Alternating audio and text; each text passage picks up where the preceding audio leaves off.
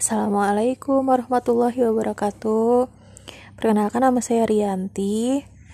Uh, mungkin saya sebenarnya membuat podcast ini salah satu tujuannya adalah untuk terapi healing, terapi healing atas uh, kejadian-kejadian yang sudah saya lewati beberapa bulan ini.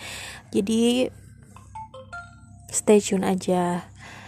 Di sini saya juga nggak terlalu bisa ngomong untuk berbagi. Cuma sebetulnya saya ingin berbagi pengalaman mengenai eh, kejadian-kejadian uh, kemarin seperti saya sempat keguguran saya sempat kehilangan orang-orang tersayang dan kemudian saya ada penyakit uh, GERD juga gitu. Kemudian saya ada terap uh, ada gangguan kecemasan dan sebagainya. Jadi saya ingin berbagi ke kalian semua bagaimana saya melewati ini semua gitu.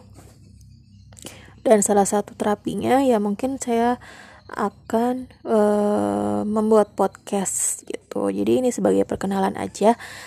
Oke terima kasih. Assalamualaikum